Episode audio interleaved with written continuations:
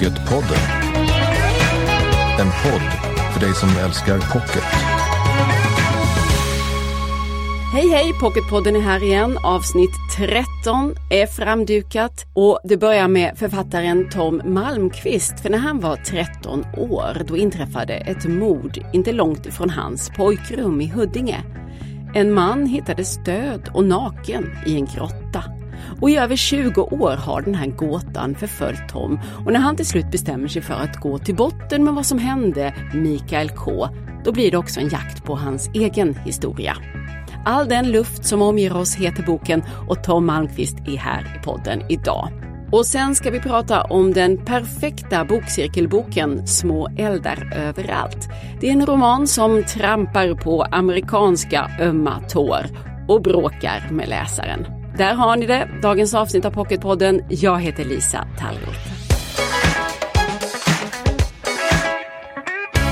Och hej Tom Malmqvist! Hej! Du har ju skrivit två romaner som skildrar dramatiska händelser i ditt eget liv. Du gjorde en superdebut får man säga med din förra bok I varje ögonblick är vi fortfarande vid liv.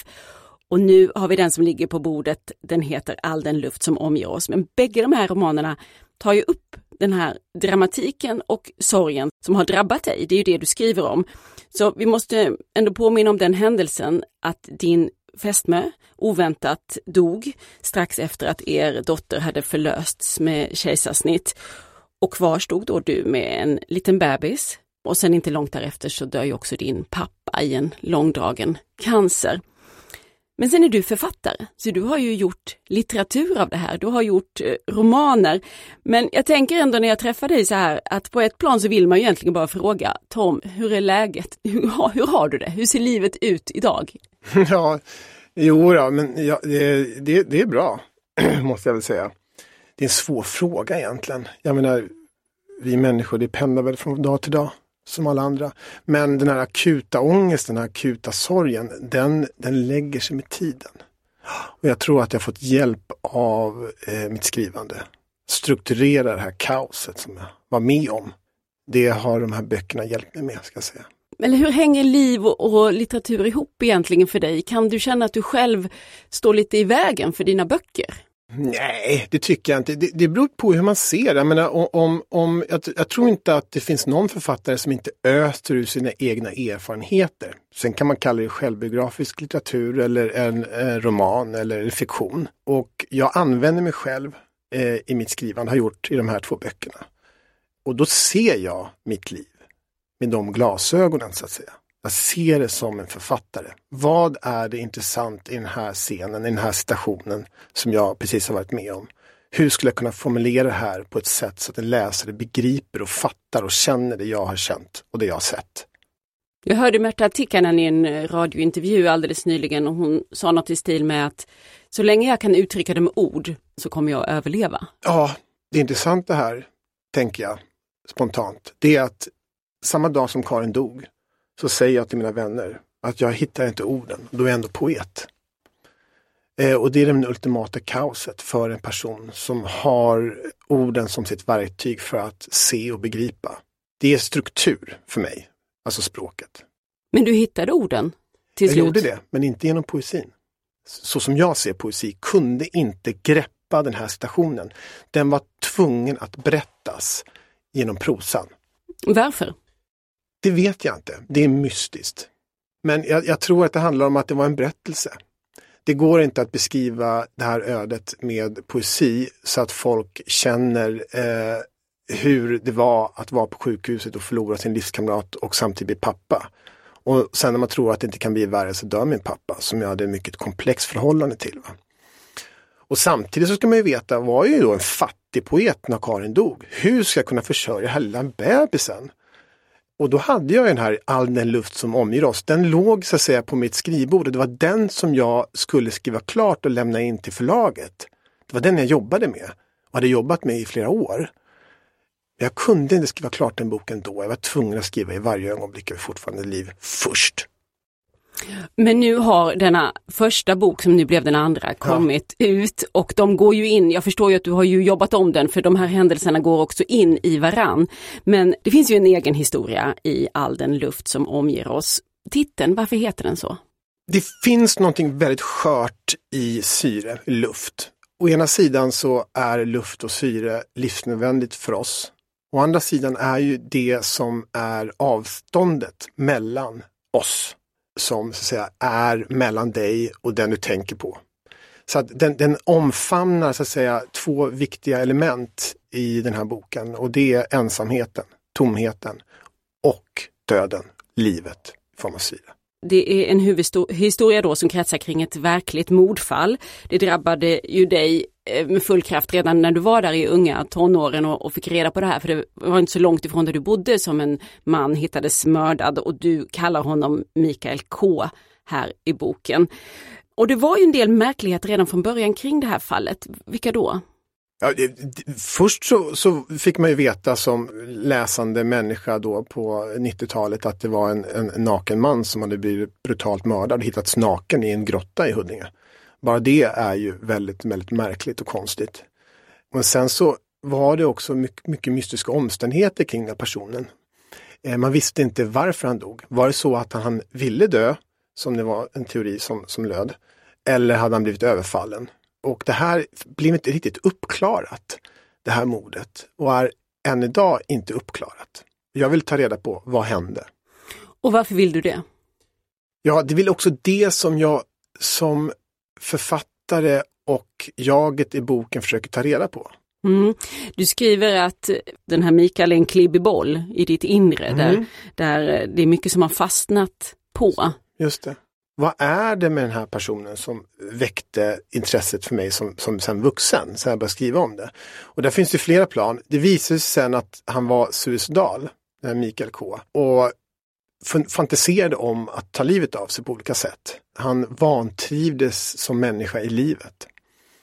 Eh, å andra sidan så har vi det här där man är ung, jag var 13 år och läste om det här mordet och åkte till, till brottsplatsen och stod bakom avspärrningsbandet mystiken kring döden som blir så en sån oerhört kraftfull manifestation i form av ett mord. Men undan för undan så börjar jag identifiera mig med Mikael K. Hans existentiella ångest.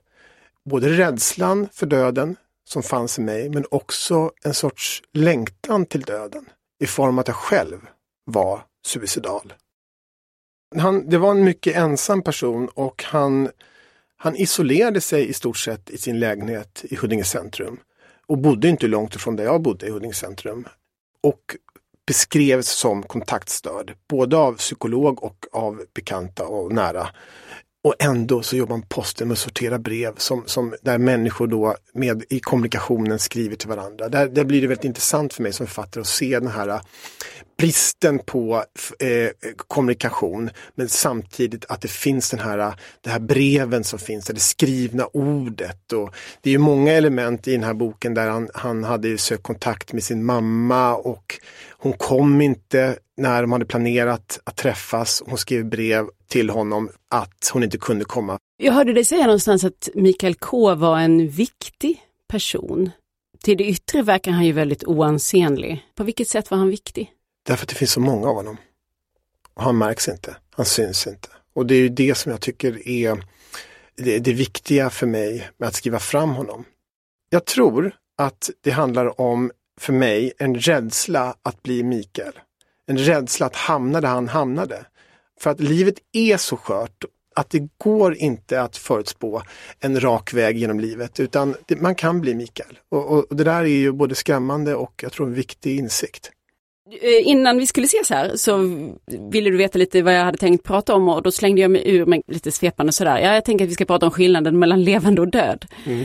Så jag tänkte vi skulle göra det nu. För mm. Du sitter ju på den levande sidan och skriver om två personer som inte längre finns och har röst och kan ge någon annan version.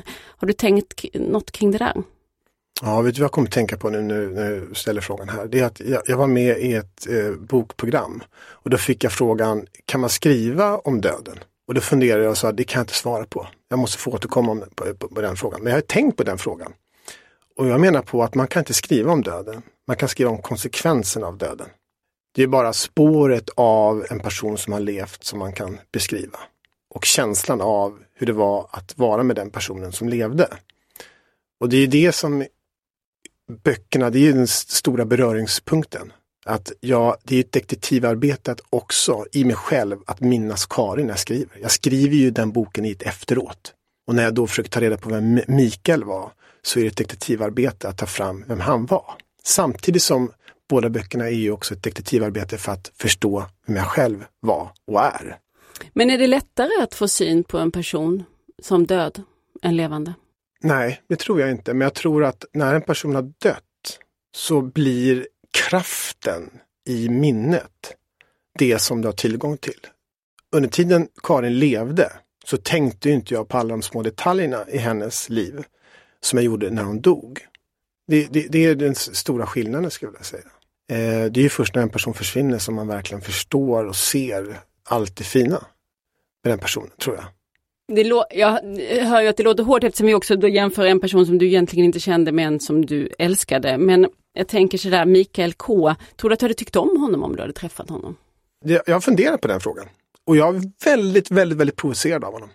Framförallt när han går till, sin, eh, till psykologen och ber om hjälp.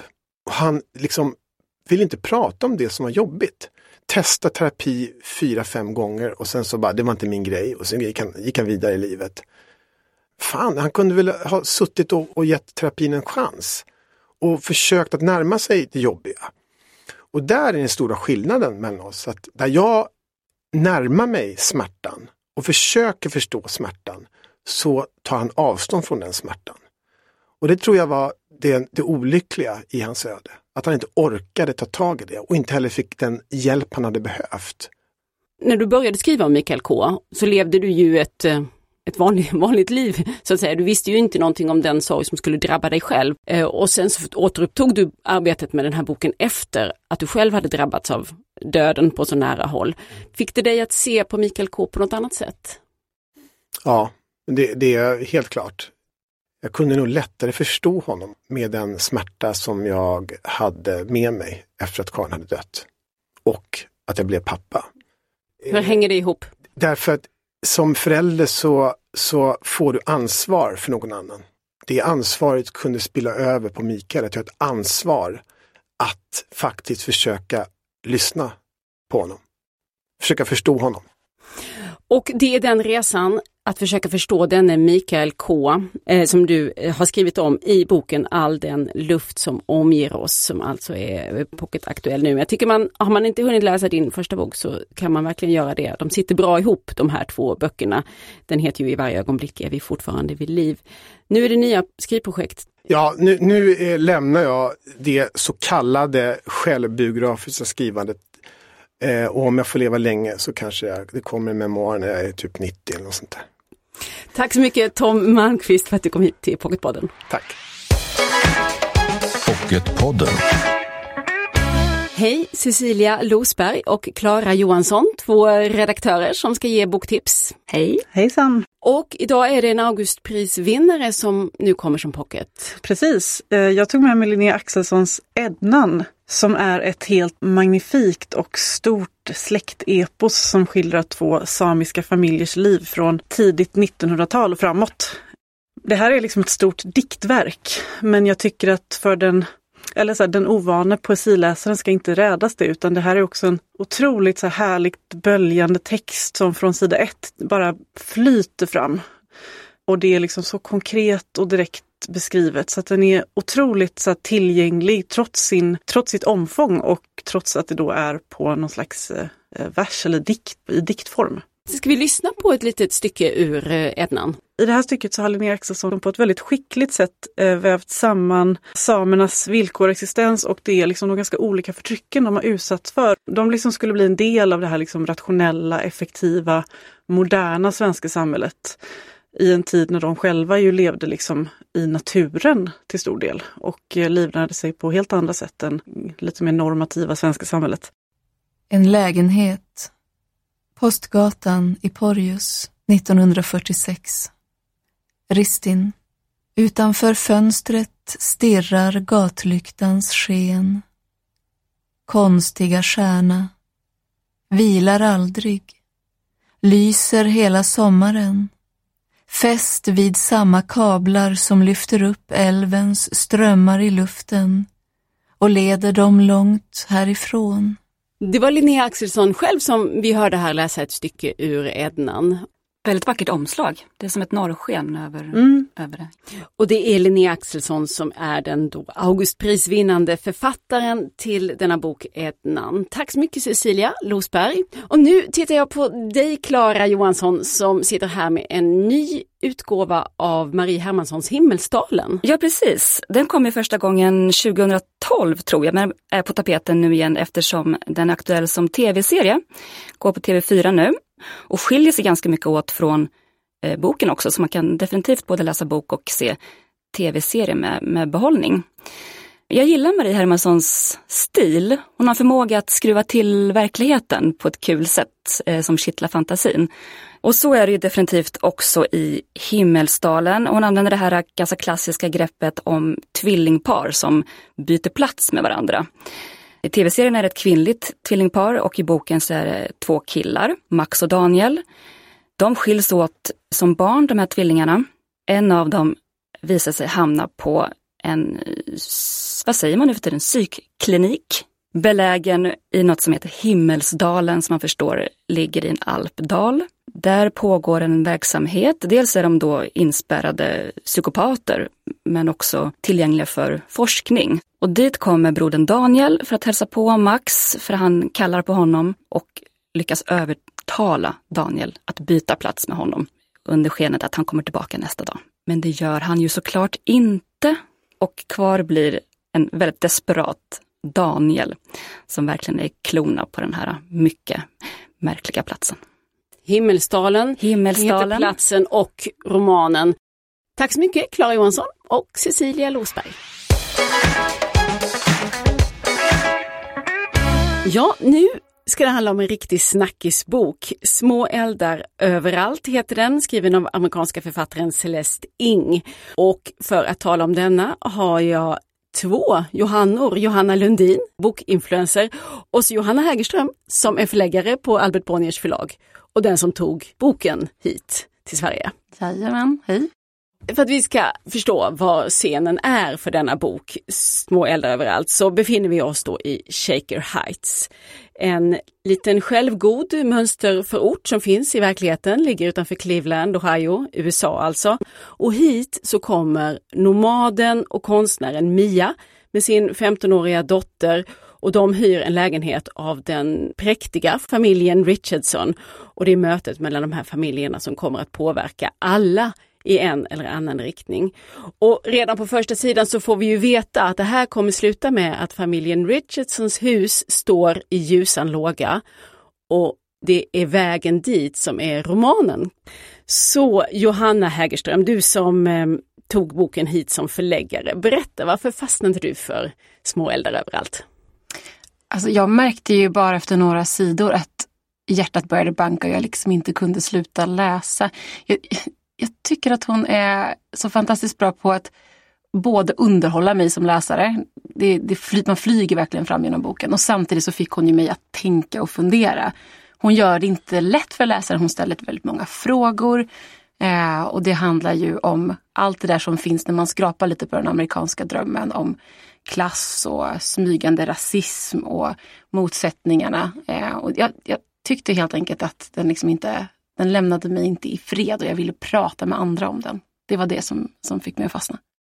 Och Johanna du, Lundin, du valde ju detta som första boken i din nystartade bokklubb. Så du måste väl också känt att här fanns det mycket att prata om? Absolut, hur mycket som helst att prata om och framförallt eh, en aspekt som är att Shaker Heights ser sig som väldigt liberal eh, och progressiv. Men sen när Mia kommer som på sätt och vis förkroppsligar det så vänds ju allt upp och ner. Eh, och i det så är det ju flera saker som händer som man vill diskutera. Varför gör karaktärerna så här? Men också att alliansen med karaktärer ut med läsningen skiftar, vilket väcker saker hos en själv och vilka värderingar en själv har. Mm.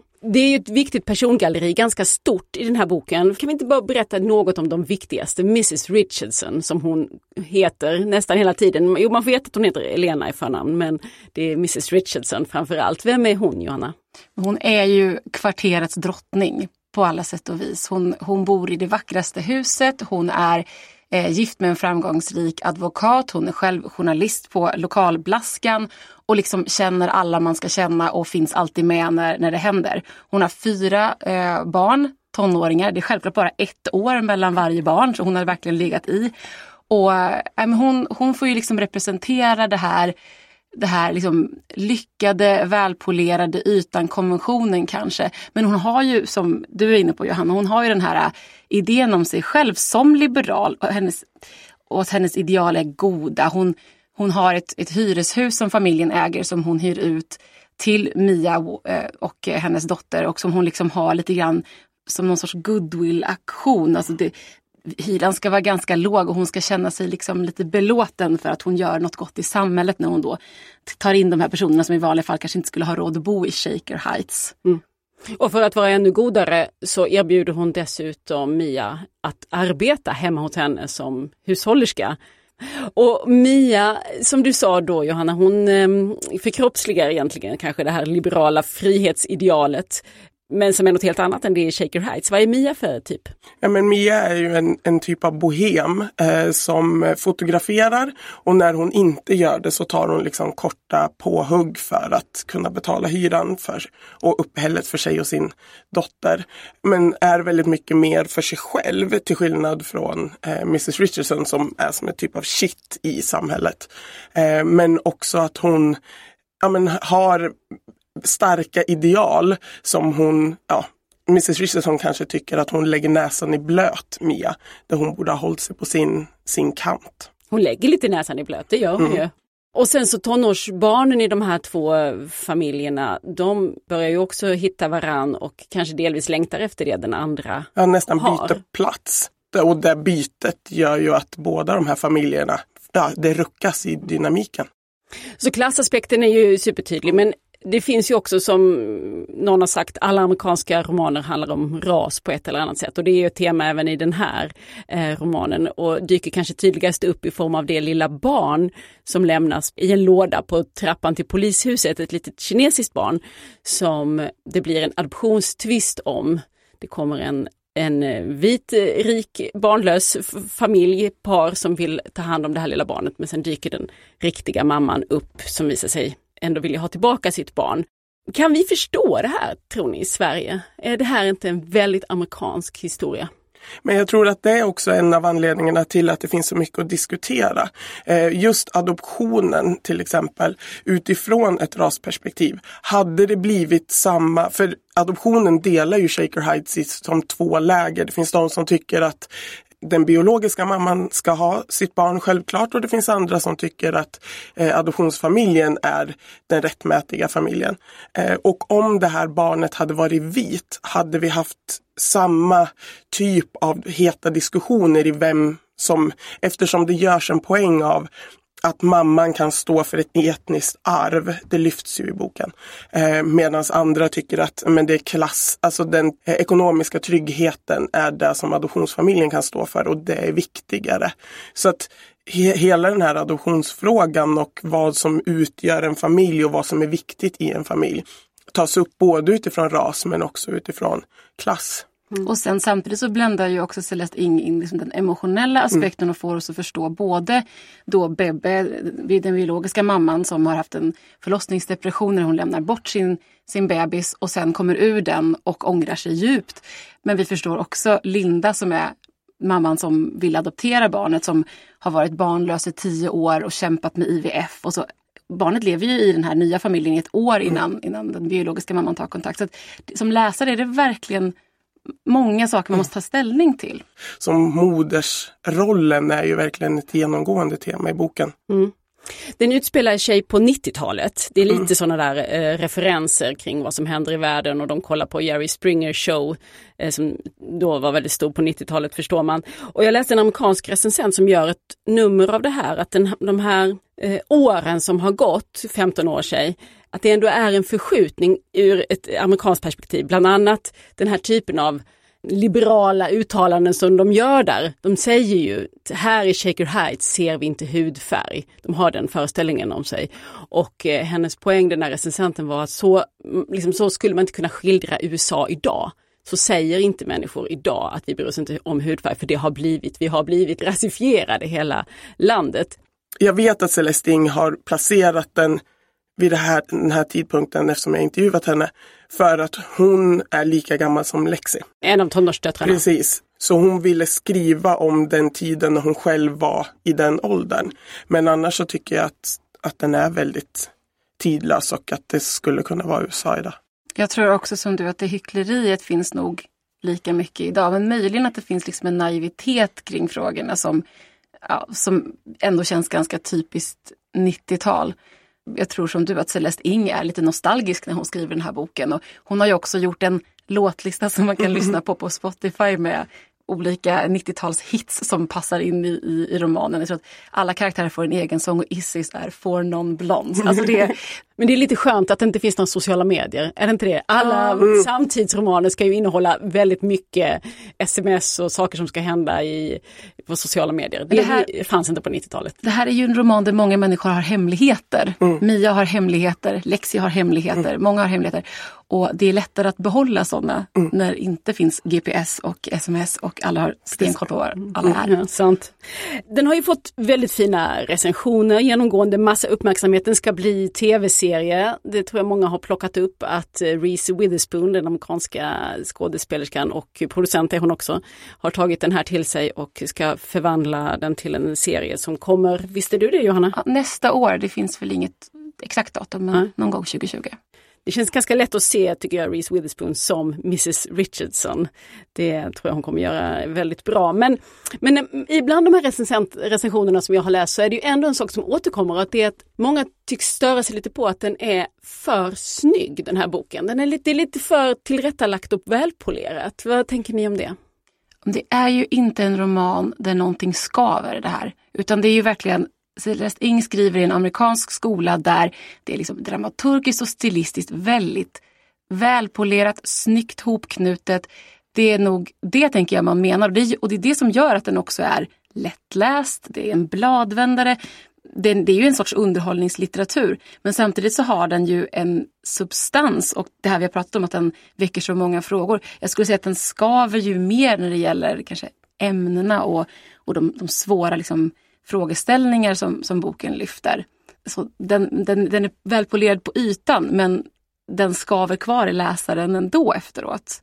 Den har ju inte ett slut som lämnar allt uh, utrett. Det finns ju mer för läsaren att tänka vidare kring. Absolut. Och en önskan att börja om från början. Det hade jag. Alltså man visste ju, när jag började läsa så trodde jag också att det var en deckare. Eller en spännings, eftersom man vet att ett hus liksom står i lågor och det, vem är det som ligger bakom det. Och sen så får man en otroligt komplex ändå relationsroman och då inte en kärleksrelation utan relationer utifrån olika parametrar. Eh, föräldrar, barn men också tonåringar. Det finns ju ett, som du sa ett stort persongalleri. Du tycker inte att det är för välklippta gräsmattor i romanen då? Eh, Jag tänkte hennes sätt att skriva. Nej, jag tycker att det är väldigt, eh, det är väldigt amerikanskt så som man är van att, att se det där man kanske i Europa är lite mer yvig i kanterna eller eh, att det är lite roare så är det ändå det är väldigt amerikanskt och det var jag beredd på. Så jag tycker inte att det är för polerat utan det har en poäng för att det finns andra saker som är viktiga. Små eldar överallt heter boken vi pratar om, Celeste Ing som faktiskt han skriva en roman innan denna, men som ännu inte kommit på svenska. Men det ska du ta hand om, Johanna, som förläggare. Ja, såklart. Everything I never told you heter hennes debutroman som kom 2014 och blev hyllad och prisbelönt. Eh, vi ger ut den i augusti nästa år på svenska. Och också det är en eh, roman om familjerelationer och återigen så, så kommer Celestes fantastiska blick för tonårsliv in. Så gillar man små eldar överallt så tror jag att man kommer tycka mycket om den också. Mm. Den kan man se fram emot. Just nu är det Små eldar överallt som är aktuell som pocket. Väldigt bra bokcirkelbok, förstår Verkligen. vi. Här finns mycket att tycka och tycka olika om också. Stort tack för att ni kom hit, Johanna Lundin och Johanna Hägerström. Tack. Tack ska du ha.